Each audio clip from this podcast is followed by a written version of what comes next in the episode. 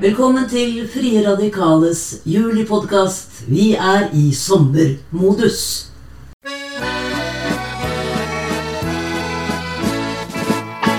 Jeg tror, jeg tror på sommeren. Da reiser jeg og står i kø. I bilkø og i fergekø. Mens sola tar godt i mitt slips. Jeg tror, jeg tror på ferieliv. Jeg gir meg ikke før jeg får brannsår og unga får arma og beina i gips. Jeg tror, jeg tror på hyttetur med peis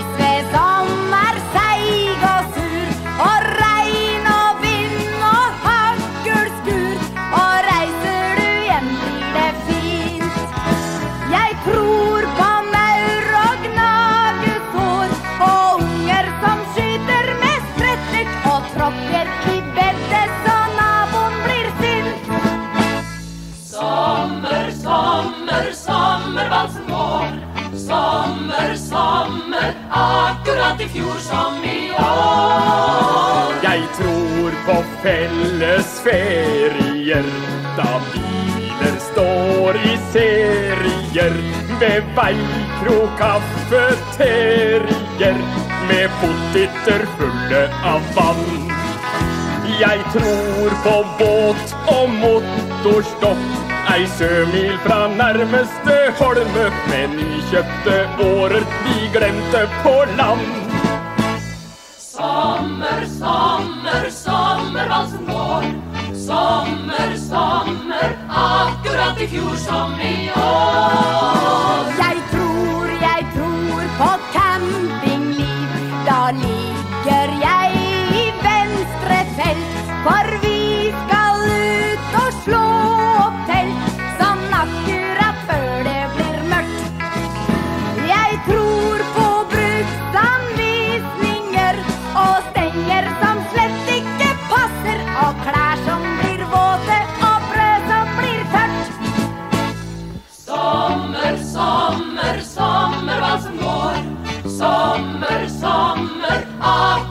fjor som i år.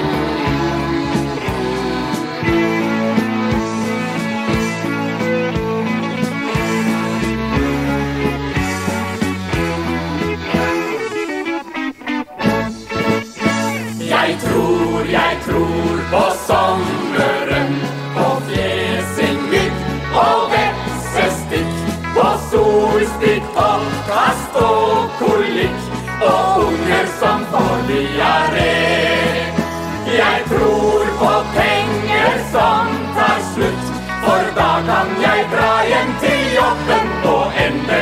får jeg litt ro og litt fred.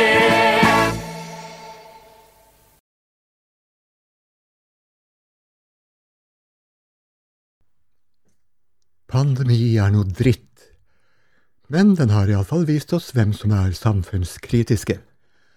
På 70-tallet var det radikale studenter og enkelte teatergrupper som var samfunnskritiske. I dag er det helsearbeidere, kassadamer av alle kjønn, bussjåfører og lærere. Toppsjefen i Norwegian er ikke samfunnskritiske. De er bare kritiske til at samfunnet ikke gir dem enda høyere bonuser. Pandemi er noe herk, men den har også vist oss at mange av dem som holder samfunnsmaskineriet i gang, er lavtlønnede, uorganiserte, utsatt for sosial dumping og uten stemmerett. Rett og slett fordi de er utlendinger.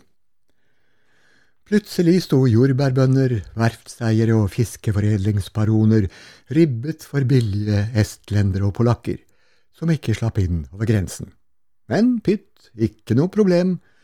NHO sendte bare en SMS til regjeringen, og vips, så var det igjen stinne brakker med overkvalifiserte og underbetalte østeuropeere. Men pandemi er noe dævelskap. Før bedriftseieren rakk å si utbyttebonus, satte frisleppet av arbeidskraft fra røde land i gang en ny smittebølge som skyllet inn over gamle Noreg nørst i grendom. Og dermed fikk jordbærbøndene og fiskeforedlerne problemer igjen. For hvor mange norske arbeidstakere er egentlig villige til å jobbe lange dager på luselønn i bæråkeren eller på filetfabrikken? Ikke særlig mange, har det vist seg. Men da er det heldigvis godt å tenke på at de få norske filetarbeiderne som stiller opp, iallfall har humøret i behold.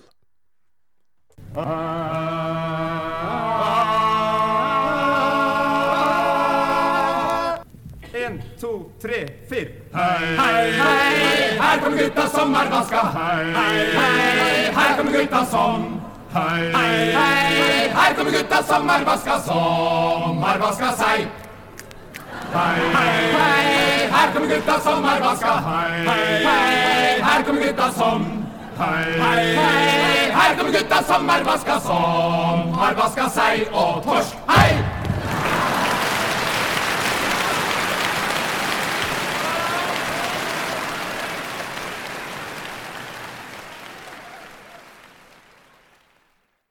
På 80-tallet hadde Nitimen en lytterkonkurranse for å kåre ulike nasjonale fenomen. Det begynte med Norges nasjonaldyr, og elgen vant suverent. Og Norges nasjonalfugl ble fossekallen. Men da nasjonalfisken skulle kåres, stemte ei entusiastisk gruppe fra Sørlandet på slimålen. Folk visste jo ikke engang hva det var slags fisk, og plutselig ble slimålen Norges nasjonalfisk. Men da Nitimen skulle kåre Norges nasjonalkake, var vi kommet over fiskesjokket og heiv oss på telefonen og stemte i vei den nordnorske Kvæfjordkaka. Alle ble liksom nordlendinger og sprang til telefonen. Ja, for vi var jo ikke alene om den. Kjært barn har mange navn, og i resten av landet heter kaka verdens beste. Og det er den. Jeg må innrømme at jeg er ganske hjelpeløs når det gjelder kakebaking. Men siden jeg hadde fått meg en ultramoderne varmluftsdyseautomatisk stekeovn, kunne jeg kanskje likevel være utrusta til å bake nasjonalkaka. Som tenkt, så gjort.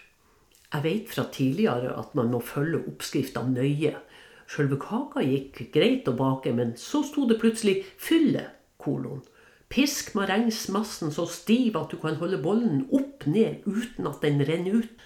Jeg piska og piska til jeg var helt av i armene før jeg tok sjansen på å snu bollen opp ned. Jeg var ikke lite stolt der marengsen klamra seg til plastbollen uten å slippe taket. Så smurte jeg den utover kaka og satte den inn i stekeovnen. Nå er det sånn at i nye ovner er det en vindu der en konditorspire kan holde øye med kunstverket sitt gjennom hele prosessen, og jeg var rett som det borte og kontrollerte inni gluggen. Men da det var sjette gangen jeg titta inn, fikk jeg se et sant varmluftskaos der inne. Og det som skulle bli verdens beste kake, lå i forma si og kjempa mot monsunene i nyovnen. Marengsmassen hadde klistra seg oppover veggene som ei lynghei i høststorm. Det så ut som om kaka levde der inne og hadde fått hår. En skikkelig Elvis-sleik lå baksa i stiv kuling med sveisen til alle kanter.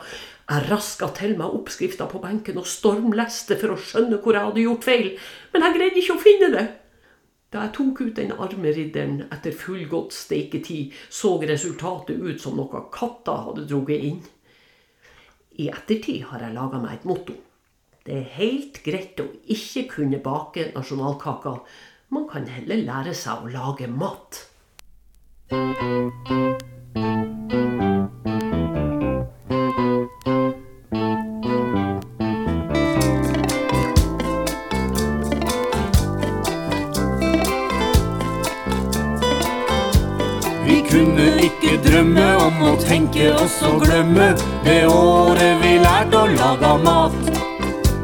Vi sneik oss som en lek inn på mangt et bibliotek, rappa bøker om skinke og salat. Vi skulle bake og frese, Ronny kunne ikke engang lese, så det måtte lære seg først. Vi fulgte gode skurkeskikker, luska inn i butikker og rappa den maten som var størst. Ja.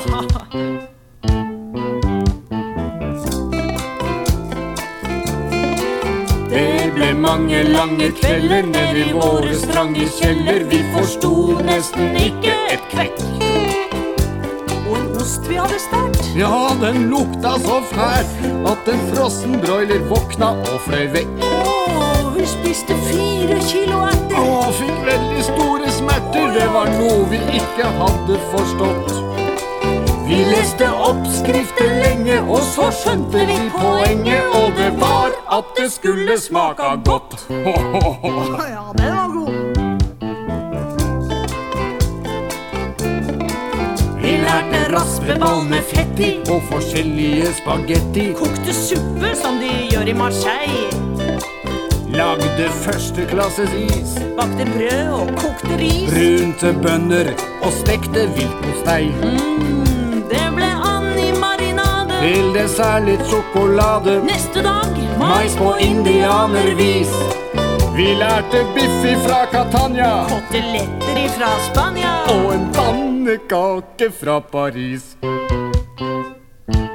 Mm, smak på denne, Ronny.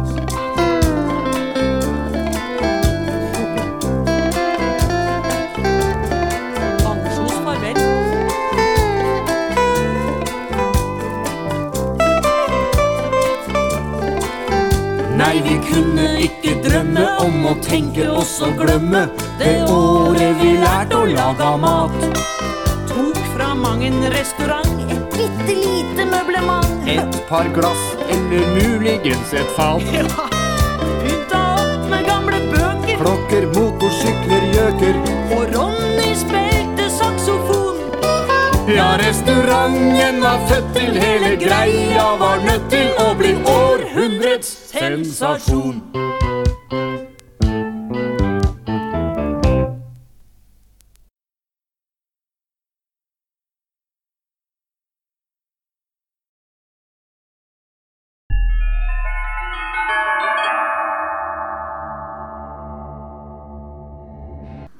Barndommen, ja, det var en herlig tid.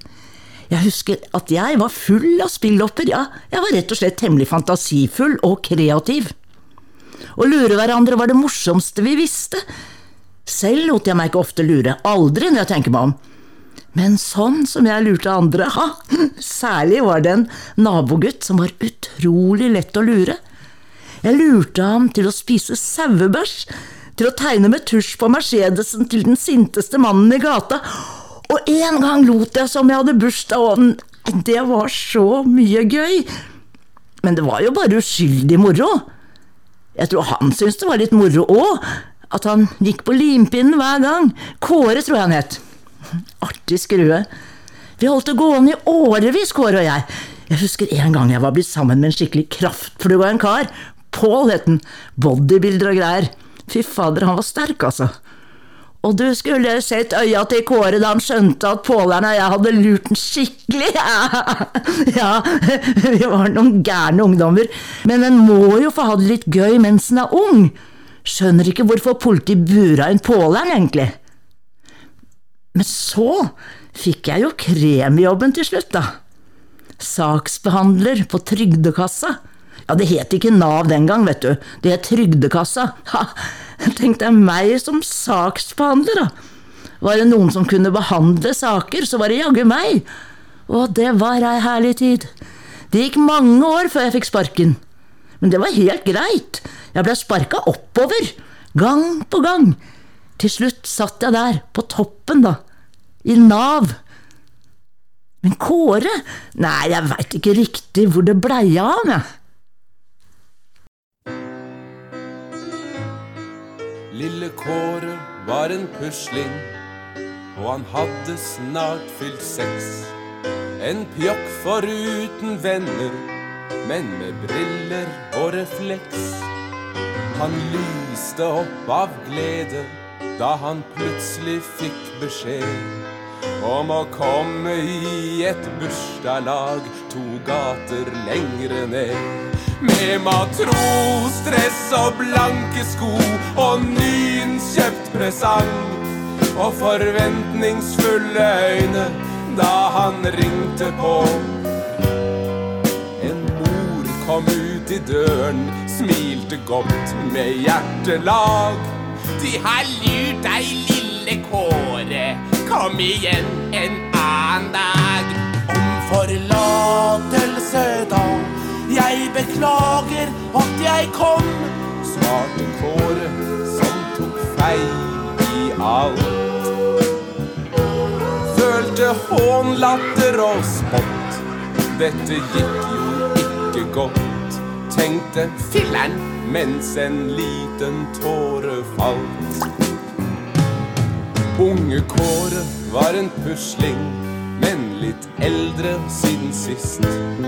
Han gikk på handelsskolen for å bli til kontorist. En vakker pike satte der hans hjerte fort i brann. Så Kåre han tok mot til seg og rødmet lite grann. Da piken takket ja til tur med pølser, vin og bål. Men hva Kåre ikke visste, var at hun var gift med Pål. Som helt tilfeldig var der, som en del av et komplott. Så Kåre han fikk nesa knust, og øyet det ble blått. Om forlatelse, da. Jeg beklager at jeg kom, svarte Kåre, som tok feil i alt. Følte hån, latter og spott. Dette gikk jo ikke godt, tenkte filler'n mens en liten tåre falt. Gamle Kåre var en pusling, og han haltet rundt med stokk. Med gikt og løse tenner, og med tiden også brakk. En rullestol ble skaffet ham til veie smått om senn. Og på trygdekassen, ja, der kunne han få pengene igjen. Men kontoret lå i femte uten heis, så det tok tid. Før Kåre satt ved skranken med sitt krav om garanti. Beklager stengt, sa damen. Vær nå snill og kom dem bort. Vel, han trillet utfor trappen. Denne gangen gikk det fort. Om forlatelse, da. Jeg beklager at jeg kom, svarte Kåre, som tok feil i alt. Følte hån, latter og spott. Dette gikk jo ikke godt, tenkte filleren mens en liten tåre falt.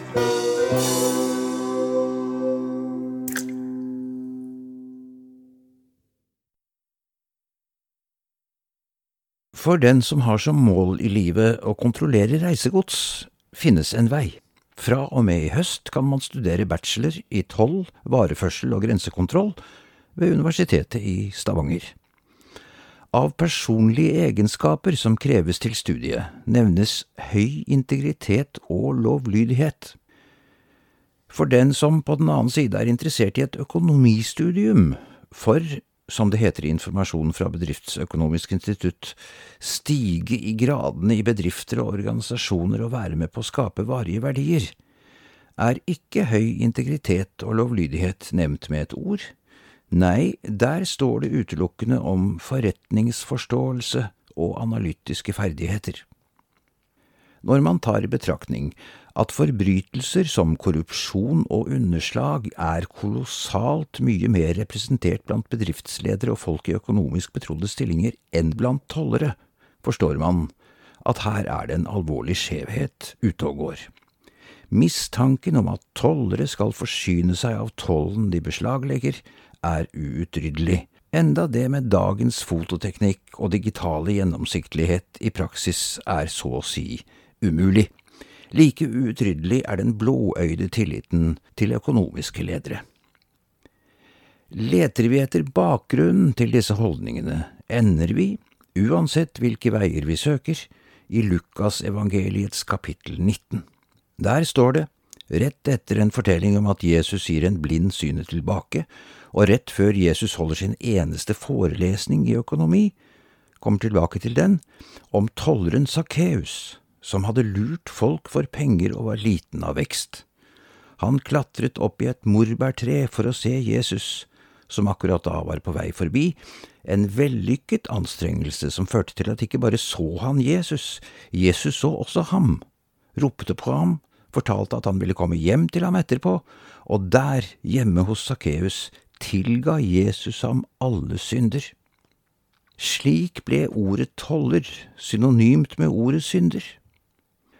Men selvsagt er det noe feil med denne historien. Det fantes ikke morbærtrær i Jordandalen på Jesu tid, de ble innført fra Kina 1200 år senere. Treet det henvises til er ficus psykomorus, eller psykomorea, eller morbærfikentre, et fikentre som bærer fikener som ligner på morbær. Men hvordan kunne de kalle det morbærfikentre siden de ikke visste om morbær? Svaret er at det gjorde de da heller ikke. Det har kommet til i senere oversettelser, og la nå det ligge. Poenget er at denne historien ikke er helt sann, men som de fleste andre historier nesten sann. Sakkeus var toller og synder, og han møtte Jesus og ble frelst, men det foregikk litt mer smertefullt og mindre søndagsskolesnilt enn som så. Og straks etterpå kom Jesus med sin læretale om økonomi, og den handler kort og godt om at man skal investere sine pund, og ikke spare dem, for da blir det ingen renter av dem. Og så kommer det kanskje sanneste Jesus-sitatet av samtlige Jesus-sitater.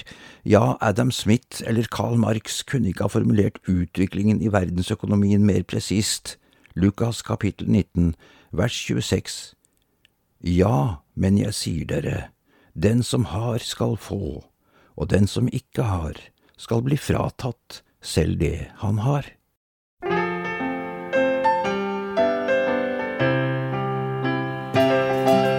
Det var en liten mann, det var en gang en ganske liten mann.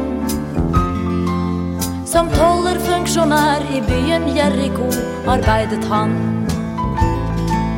Han hadde dårlig rykte hos de undertrykte, snøt som en kriminell. Dårlig syntes han også om seg selv. Dårlig syntes han også om seg selv. Han var av ringe verd, han syntes at han var av ringe verd. Han tok tolv helt tilfeldig, var dessuten veldig lite lærd. Han smisket vilt med makten, toller selvforakten steg, og spesielt hver kveld ville han helst ta livet av seg selv. Ville han helst ta livet av seg selv.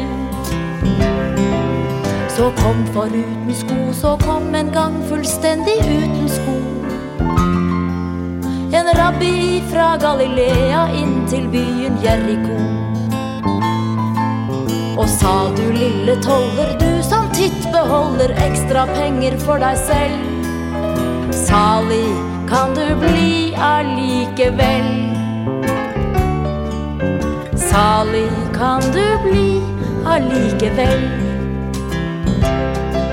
Slik fikk en liten mann en annen og fullstendig ny forstand. Han lærte at hvordan han skulle leve, det kom an på han. Han fikk en viten at om han var liten, kunne han bli stor for det. Det er den slags mirakler som kan skje. Det er den slags mirakler som kan skje.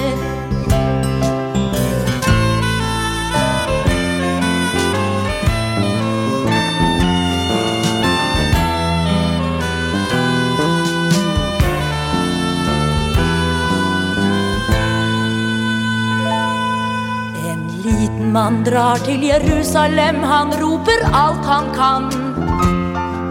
At de ikke må korsfeste Jesus, som har gitt ham ny forstand. Men som det seg forholder, har en liten toller lite å si. Folk krever Barabbas fri. Gi motstandsmannen Barabbas fri.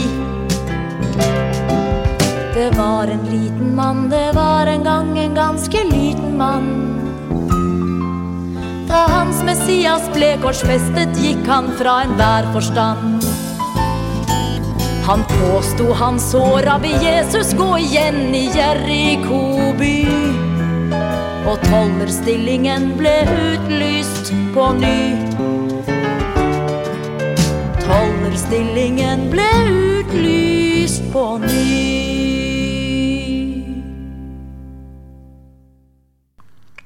Ha et sted å bo hører med til menneskerettighetene. Eller i hvert fall nesten.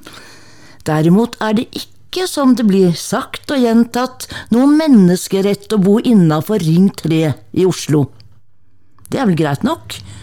Og menneskerettserklæringen skulle vært såpass stedspesifikk, ville den vel aldri sett dagens lys, men vært under evig om- og bearbeidelse ettersom byutvikling rundt om i verden finner sted, en slags evig prosess. Man kan ikke annet enn å hylle FN, som skapte menneskerettighetserklæringen for å aldri ha blandet sammen retten til bolig med byutvikling. Forresten er det retten til å eie bolig de snakker om. Det står ikke noe om å leie, bare så det er sagt, verken her eller der, verken innafor eller utafor Ring 3 i Oslo. I menneskerettighetserklæringen står det at alle har rett til å eie sin egen bolig, slik at ingen kan ta den fra deg uten god grunn. Det samme gjelder for øvrig retten til privatliv. Og retten til å ha sine egne ting, hvis det altså ikke skulle foreligge en god grunn. Hva som er en god grunn, står det ikke noe om. Det burde det kanskje gjort. Hvis vi for eksempel ser på byutviklingen i Oslo, den gigantiske satsingen på fjordbyen, altså Bjørvika, altså der kulturen blomstrer og boligprisene når himmelske høyder, der ligger operaen, nye Deichman, Munch, tidligere lokalisert på Tøyen og kjent som Munch-museet. Munch rager over turistattraksjonen Operaen som en dårlig klipt pannelugg over et blekt ansikt. Kulturbygg med strandlinje, sågar badestrandlinje, havnepromenade og gater. Det sies så vakkert om man googler litt, at forholdet mellom land og vann er sentralt for Bjørvika. Men det var altså dette med god grunn. Her kommer nok forholdet mellom vann og land inn som en sterk faktor. For grunnen, også kalt bakken, er alt annet enn god. Grunnen er havbunn, grunnen er sagflis fra industrien langs Akerselva, grunnen er alunskifer. Saktens har man bygget på påler, men det er langt ned til fast fjell. Som det står å lese i Matteus 7, 24–28. Hver den som hører disse mine ord og gjør det de sier, ligner en klok mann som bygde huset sitt på fjell. Regnet styrtet, elvene flommet, og vindene blåste og slo mot huset, men det falt ikke, for det var bygd på fjell. Og hver den som hører disse mine ord og ikke gjør det de sier, ligner en uforstandig mann som bygde huset sitt på sand. Regnet styrtet, elvene flommet og vindene blåste og slo mot huset. Da falt det, og fallet var stort. Som vi skjønner, dette med god grunn var kjent stoff allerede for ca. 2000 år siden. Men hva hjelper vel det? Hav Eiendom, tidligere kjent som Havnevesenet, har avgitt grunnen god og mindre god til byutvikling og kultursatsing. Vi får tro mot et skikkelig vederlag fra kommunen til kommunen. Et enkelt Google-søk bekrefter at den aller dårligste grunnen, den er Munch-museet bygget på. Barcode, husrekken i samme område som møter deg som ankommer Oslo sjøveien, synker, sier eksperter. Den forvitrer, beveger seg, ikke bare vertikalt, men horisontalt også. For grunnen er alt annet enn god. Noen har begeistret sammenlignet boligområdet Vannkunsten med Venezia, fordi der er kanaler mellom husene, og det er vel og bra, det. Hva man for øvrig vet om Venezia, er at byen synker. Det er noe alle i hele verden vet. Forskjellen består bare i at Bjørvika synker raskere. Så la oss ile til de gode gamle dager for ca. 35 år siden, den gangen det ikke het byutvikling, men byfornyelse. Den gangen de fortredelighetene denne fornyelsen førte med seg, fortoner seg bagatellmessig i forhold til dagens boligsituasjon i storbyer og tettsteder. Den gang det fortsatt var mulig for helt alminnelige mennesker å komme seg inn på boligmarkedet, og det ikke var noe som het sykepleierindeks. Man ble byfornyet og fikk innlagt WC og trelagsvinduer, samt boliggjeld i overskuelig framtid. Det er på tide å synge om Oslo byfornyelse. Jeg hoppa og jubla den fredagen. Jeg fikk et lån i DNB. Jeg kjøpte en toroms på Grønland. 500 000 kosta det. Det var dårlig med plass, men i trappa var det i hvert fall en dass. Om høsten så fikk vi stillaser. Hele gården blei invadert av snekkere som hamrer og maser. Ja, vi blei rehabilitert. Men allting går jo an, til og med et år uten vann. Så deilig det er, så deilig det er å bli byfornyet. Du kan fortsatt bo der, wow, wow. Som takk for bryet, så får du noen hundre tusen i ekstra gjeld. Sånn helt for deg selv. Og etter et år med intriger var gården blitt pusset opp og malt. Og husleiene bare stiger, selv om vi syns det er rart.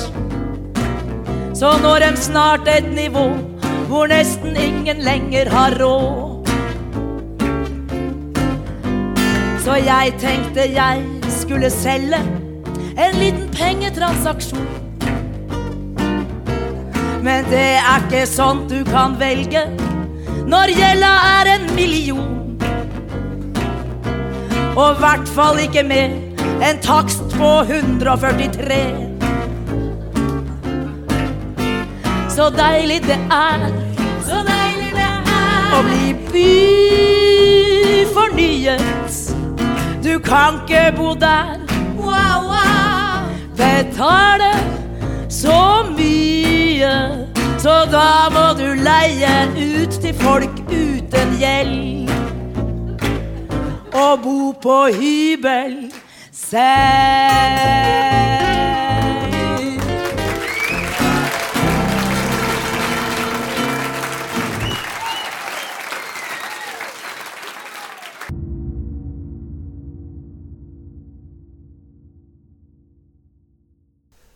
Dypet er dypt, men dypet kan også være mye annet.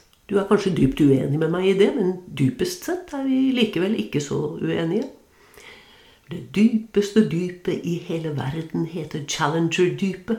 Det er 11.340 meter dypt og ligger i sørenden av Marianergropen sør for Japan og øst for Filippinene. Marianergropen er 2250 km lang. Lengre enn landet vårt, og det er langt, det. Nede i dette 11.340 meters dypet finnes det liv på bunnen også. Det er observert en flyndreart på ca. 30 cm. Hvite reker og gigantiske amøber på over 10 cm. Det dypet vi nå skal dykke ned i, ligger utenfor undergrunnen i vår egen hovedstad. Der lever det animaler med stor intelligens. De er minst like intelligente som menneskene i byen, der de stresser fram og tilbake mellom jobbene sine og husene de bor i, der oppe i høyden. Dette dypet heter kloakken, og blant alle firbente familiemedlemmene sine bor Rottrik, Rotthild, Rottmann, gaterotta Ruth, som har gjort sine betraktninger om livet i dypet.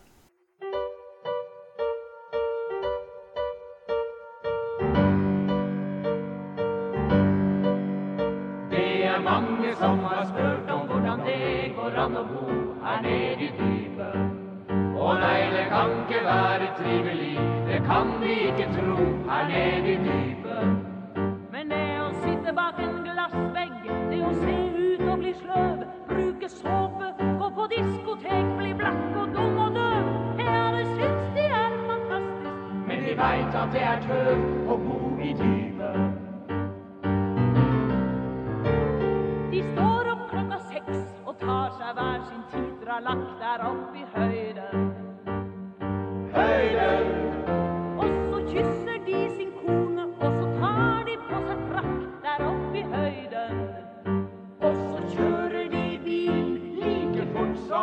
Går.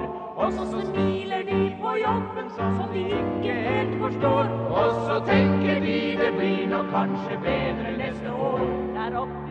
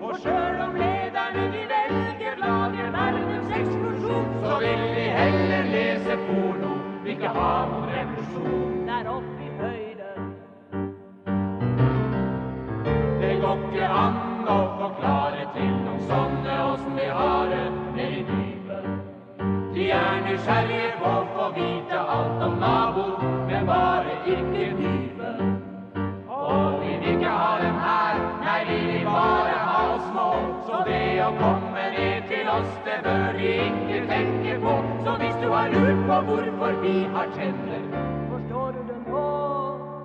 forsvare dypet. Tutti frutti, oh Rudy, avapapaloma palapem boom. 14-åringen avsluttet med å kutte den siste akkordklangen med håndflaten over strengene, for så å knytte neven og banke den i gitarkassa. Først etter at han hadde satt fra seg gitaren inntil bordkanten, så han opp. 16-åringen rett overfor ham var uttrykksløs. Little Richard, sa den yngste etter en stund. Vet det, var svaret. Jeg liker Taxi Blues bedre. Jeg òg, men denne er helt ny. Det ble en altfor lang pause. Skolefesten var over for lengst, det var bare de to i gymsalen, og snart ville vaktmesteren dukke opp. 14-åringen angret på at han ikke hadde kneppet opp skjorta som strammet i halsen, angret på at han i det hele tatt hadde dratt med seg gitaren, de hadde jo to gitarister fra før, hva skulle de med ham? Han måtte bare si noe for å avrunde. Er det sant, spurte han, at du har banka opp en lærer? Banka opp og banka opp. Vi skulle se en film om Henrik den åttende, og så så vi Donald-film først, og da Donald begynte å kvekke, sa jeg høyt, se der gutter, der er Henrik den åttende. Alle lo, og historielæreren slo på lyset og stoppa filmen og ga meg et rapp over henda med pekestokken. Så langt alt greit, vant til verre. Men så straffa han hele klassen med å gi oss ekstra lekser. Så etter timen ble jeg igjen og sa til ham at neste gang straffer du bare meg og ikke alle, og ga ham en kilevink så han skulle huske det. Regna med at han var for feig til å rapportere det. Og det stemte. Gitaren din låter fint, men det er ikke helt rock'n'roll. 14-åringen så på gitaren sin. Vet det, men det var den gitaren faren min ville jeg skulle ha. Jeg hadde lyst på elgitar, men du kan ikke diskutere med pappa. Vær glad til. Faren min dro til sjøs da jeg var tre, og han sa ikke fra på forhånd engang, og borte er han. Er det sant? Åssen har du klart å få deg gitar da? Knuste et vindu i musikksjappe. 14-åringen satte opp et forskrekket uttrykk, og 16-åringen sprutet ut i latter. Slapp av, det ville jeg aldri ha turt, tanta mi kjøpte den til meg, og ga den til meg med verdens sureste oppsyn, sa at nå sørget hun for at jeg rota meg bort i musikk for bestandig og aldri ville tjene penger, men at hun ikke holdt ut maset. Jeg ville også ha elgitar, men hva er poenget med det når du ikke har forsterker? 14-åringen nikket. Men jeg er innom musikksjappa en gang i måneden for å få stemt den, og da prøver jeg de dyreste, Gretsch, Burns, Gibson, å fy faen, men, men hvorfor stemmer du den ikke selv? Jeg spurte om han ville lære meg, men han sa det var altfor vanskelig for et kjøtthue som meg. Det er ikke vanskelig. Jeg kan. Hæ? Kan du stemme? Ja visst. Pappa spiller i brassband. Kan jeg låne gitaren din og vise deg? 16-åringen pakket opp gitaren sin igjen. Det beste er om du har en telefon i nærheten, for summetonen er A, så stemmer du A-strengen som summetonen. Men har du ikke det, kan du stemme likevel, men da blir det ikke kammertonen, men det gjør ikke noe. Og så er det femte bånd på E-strengen som skal være lik A-strengen, og så fortsetter du sånn oppover, men husk at for G-strengen gjelder fjerde bånd, ikke femte. Men så er det femte igjen. Han stemte gitaren så fort og rent han klarte mens han snakket, og ga den fra seg igjen og tok opp sin egen. De spilte noen akkorder sammen. Ta den nye Little Richard-låta en gang til, da, så prøver jeg å være med. Etter tre ganger Tutti Frutti tok de en pause. Lyst på røyk? 14-åringen hadde aldri røykt, men nikket ivrig. Han gjorde så godt han kunne, og hostet nesten ikke. Jeg skal være helt ærlig med deg, sa den eldste, dette låter ikke spesielt bra, du er god og rask på grepene, men du må jobbe mye mer med høyrehånda. Det sies at runking skal være en fin øvelse. Tulla! Men uansett, vi trenger en som kan stemme. Vil du være med i bandet? Hva? Om jeg vil? Ja, tusen takk. Øving hjemme hos tanta mi søndag, for da skal de på biltur. Nåde deg om du ikke kommer. De tok hverandre i hånden, og så gikk de hver til sitt. 16 år gamle John Lennon ruslet hjem til tante Mimi i Menlow Avenue. 14 år gamle Paul McCartney satte seg på bussen og smilte hele veien hjem til Forthlin Road i den sørlige delen av Liverpool, og tenkte at dette bandet skulle han klamre seg til hele skoleåret igjennom, og hvis de nå bare fant en bassist og en trommis, så kanskje de kunne spille sammen helt til neste jul. Det er vel og bra å ha en dreven pianist som synger som en gud og en dyktig gitarist. Da kan du spille og synge i glede og på trass, men du kommer ikke særlig langt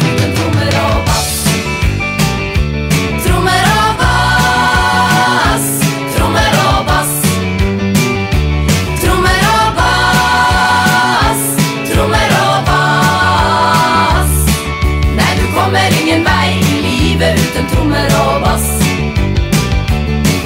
Du kan spille på klaver, på harpe eller hva du vil. Hvis du øver lenge nok, så kan du få det til.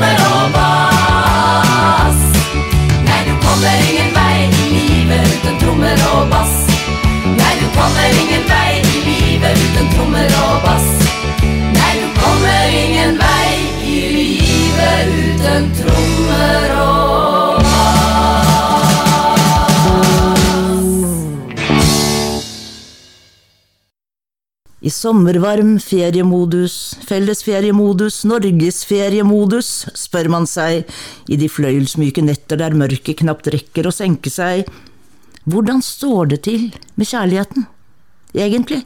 Vi har levd med ansiktsmasker og desinfiserte hender, hjemmekontor og forsamlingsforbud i månedsvis. Det er vel noe alle skjønner helt av seg selv. Den slags gir ikke kjærligheten særlig gode sjanser. Hvorvidt det er kjærlighet mellom to av samme eller av motsatt kjønn er fullstendig underordnet. Dårlige kår er og blir dårlige kår. I fjor var pride digitalt, i år var det begrenset. Og sånn er det med alt annet også, enten digitalt eller begrenset. De eneste arenaene som har vært tilnærmet normale, er polet og matbutikker. Sånt blir det ikke barn av, for å si det diskré. Da må statsministeren gjerne insistere på at det bør fødes flere barn, slik hun gjorde ved nyttårstider. Selv hun burde jo skjønne at akkurat det, akkurat i år, ikke er helt enkelt å sørge for. Det hilses med albuen eller ankelen det er kanskje mulig å legge litt kokett flørt inn i det, et skjelmsk blikk over munnbindet som beveger seg litt inn og ut i takt med at man sier et eller annet smart med myk og forførende stemme som ingen skjønner fordi munnbindet er i veien. Romantikken er, om ikke død, så i hvert fall veldig pjusk. En intim middag for to på restaurant får en forferdelig start fordi den forbanna appen ikke funker som den skal, og uten app appen får du ikke lest menyen, uten appen får du ikke bestilt, ikke betalt heller. Uten at appen funker, er det ikke mulig å få et par glass musserende mens man studerer menyen. Derimot går første del av restaurantbesøket med til å bannes over appen, og Rød i toppen foreslo å gå et annet sted, det vil si hjem.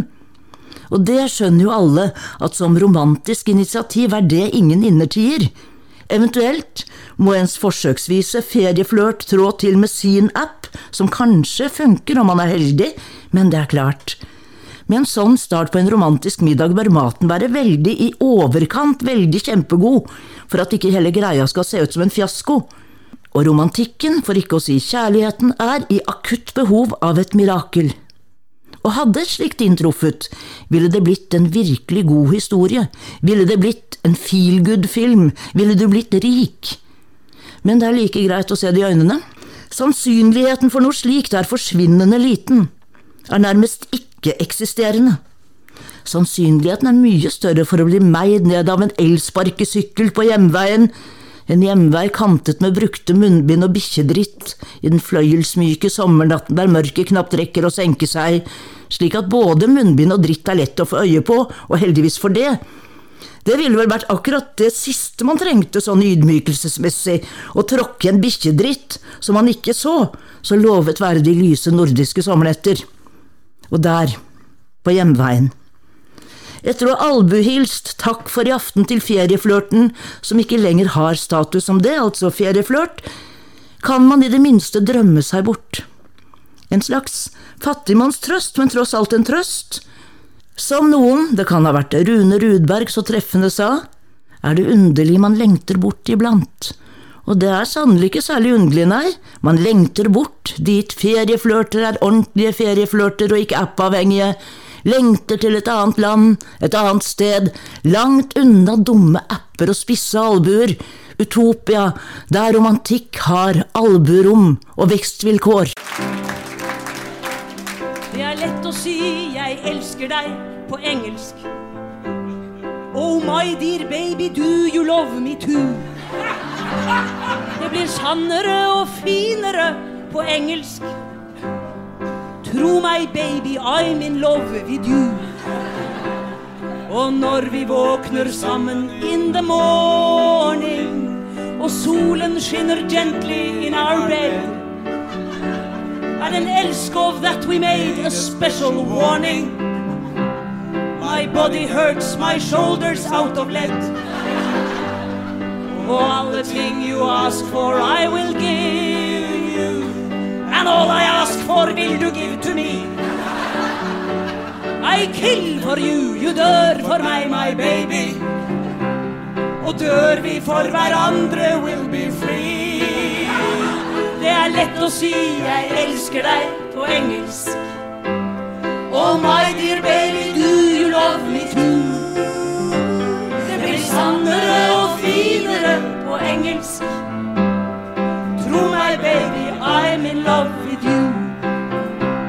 Vi møttes her forleden in the park. And cut our names inn i treets bark. And to lukten of som alcoholic piss. ga du meg your warm and tender kiss. A love so strong and shy, så ekte. Stars when tears fall from your eyes. Our mouths are full of tongues and teeth for lengsel. But soon so must I leave you, say bye bye. Så møtes vi ved peisen and the fire. And ilden brenner like our loving hearts. Elsk my baby, fuck me now forever. For evighet together, not apart. Det er lett å si jeg elsker deg på engelsk. Oh my dear baby, do you love me too?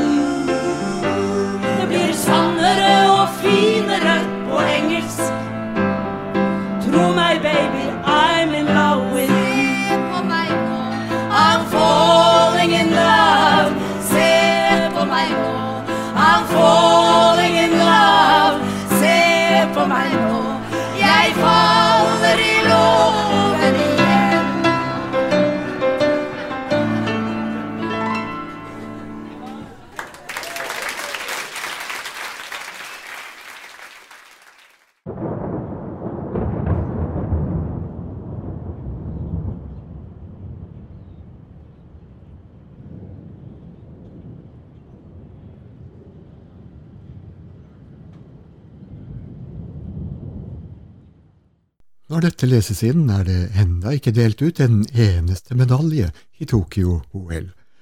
Ikke et skritt er løpt, ikke et hopp er hoppet, ikke en svettedråpe har piplet frem på noens panne. Men kampen i den viktigste OL-øvelsen har vært i gang lenge. Den øvelsen heter pengesluk i fritt fall. Den gjeldende olympiske rekord innehas enn så lenge av Sotsji-OL i 2014, der Putin greide å svi av 300 milliarder kroner. Xi Jinping greide bare 256 milliarder i sitt OL i Beijing i 2008, men han får en ny sjanse allerede i 2022. Nå holder alle som er interessert i avansert finansakrobatikk med trippelsalt og full spagat i nedslag i pusten. Vil Tokyo klatre helt til topps på pallen? Vil den uerfarne outsideren Yoshihide Suga danke ut ringrevne Putin og Xi Jinping? Han nærmer seg oppløpssiden i stor fart, har allerede bokført 236 milliarder. Det er bare 20 milliarder opp til Kina på sølvplass, og der, der får han en boost. Det blir ingen tilskuere, og dermed ingen billettinntekter. Og det meldes om stadige overskridelser. Dette kan holde, dere, det kan holde. Der ser vi Putin som sitter og biter negler. Jeg tror Suga henter den olympiske pengeslukprisen hjem til soloppgangens land. Han heies frem av pampene i IOC. De har reist fra skinnsofaene sine, og noen greier også så vidt å løfte armene i begeistring. Nye milliarder er på vei ned i de dype lommene deres. For en konkurranse! For en innsats av Yoshihide Suga! Men han virker sliten. Er han i ferd med å stivne på oppløpet? Han kjenner nok pengesyren nå. Kan han reddes av nye, uforutsette utgifter? Ja, ja! Der kommer det nye overskridelser på stadionanlegget i Tokyo! Fantastisk! Eller er det egentlig det? Nei, alle skjønner jo at dette er komplett galskap. Men uh, finnes det noe alternativ til denne galopperende gigantomanien? Ja, det gjør faktisk det. Framteatret hadde løsningen klar allerede i 1983. I vinter kunne avisene nokså overraskende melde at Lillehammer søkte på vinter-OL i 1992. Nå kan vi bringe en enda mer oppsiktsvekkende nyhet. Den lille stasjonsbyen Skarnes i Sør-Odal har søkt om sommerolympiaden samme år. Vi har oppmannen i Skarnes idrettslag her. Hei. Hei, ja. Velkommen. Ja. Vi vil gjerne spørre deg, smaker ikke dette av stormannsgalskap? Nei. Da vi fista, vi har, vi har fista fått jevnet ut hele denne idrettsplassen, så tissi da vi får bruke den. Har dere jevnet ut idrettsplassen? Nils ja? Reidar har jevnet ut. Nils Reidar og gutta hans drev og måke og drenerte og bar seg i hele høst. Det var den kul du, som eh, på 16-meteren der, som tælene hadde gjort. Men en I- i- olympiade er jo I, et, I fjor vinter. ja, en olympiade er jo et nokså stort løft. Nei da, det er ikke, noe, løft. nei, da, det er ikke noe løft. Dette, så. Hvis alle tærte i et tak på Skærnes, så, så er det ikke noe problem. Du skjønner, Vi kan dette, viser du. Vi, vi, vi er vant til å arrangere Odalsmarken her, viser du. Nå er jo dette noe større. Hvor skal alle deltakerne bo? Nei, det er ikke så fælt større. Jo, Bo, en Georg Ru, han har to rom. Der skal han nå ha bo, for gutten hans er så stiggende flink i engelsk. Men ellers så får de bo på skolen, da. Og skulle det ikke være plass nok på skolen, så får de raske deg å slå opp teltet med elva. Det er ned på nedsiden av brun. Tru på, det er pent der, det. Ja. Da sola stikker opp om sommersmorgen, Ja, og ja, fuglen synger, Jo, jeg og tiuren skvetter. Ja, men, og men hvordan har dere tenkt å hamle opp med matservering til flere tusen idrettsfolk? Laksen skvetter, det mat det er ikke noe problem med Matsrud. Kaffen på samvirkelaget skal holde oppe hele sommeren. Og de, og dem som bor på skolen, de kan bare rusle over veien ned til bensinstasjonen hans Erik Skobakken, for han server toast. Han har, han har fått seg slik toastmaskin. Det koster 8,50. Tru på det, gutter. Vi vil gjerne få spørre dere hvorfor. de, de, kan, de, kan bruke, de kan ha som førdegården, det, da, ser det ut som. En morgensturn og toast. hvorfor i all verden har dere gjort dette? Nei, for å si det rett ut, så er det Vi tittet det var så steikende ergerlig at Lillehammer skulle få akkurat disse OL om eh, på, Men vi har disse, bare disse kjeie seriekampene i femtedivisjon mot Austvatn og Sanner og det og så har vi litt spesielt nag til Lillehammer dødsrøfferen Brusvenn er derifra, og han har faktisk forårsaka den siste sløsskampen på Skærnes. Håkon Brusvenn. Da Hakkulinen gikk forbi Håkon Brusvenn i stafetten i Skru Valley i 1960, så ble den Hugo som bor bortpå der. Han ble så sint så han slutte til kjerringa si. Tru på det sang det!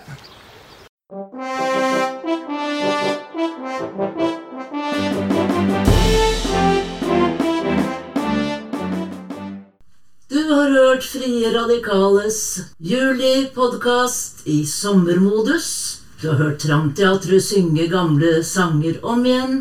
Frie Radikale består av Kine Hellebust, Liv Åkvik, Terje Nordby og Magne Brutveig. Musikalsk støttekontakt og vignettansvarlig Bård Skift. Økonomisk støttekontakt Norsk kulturråd og stiftelsen Fritt Ord.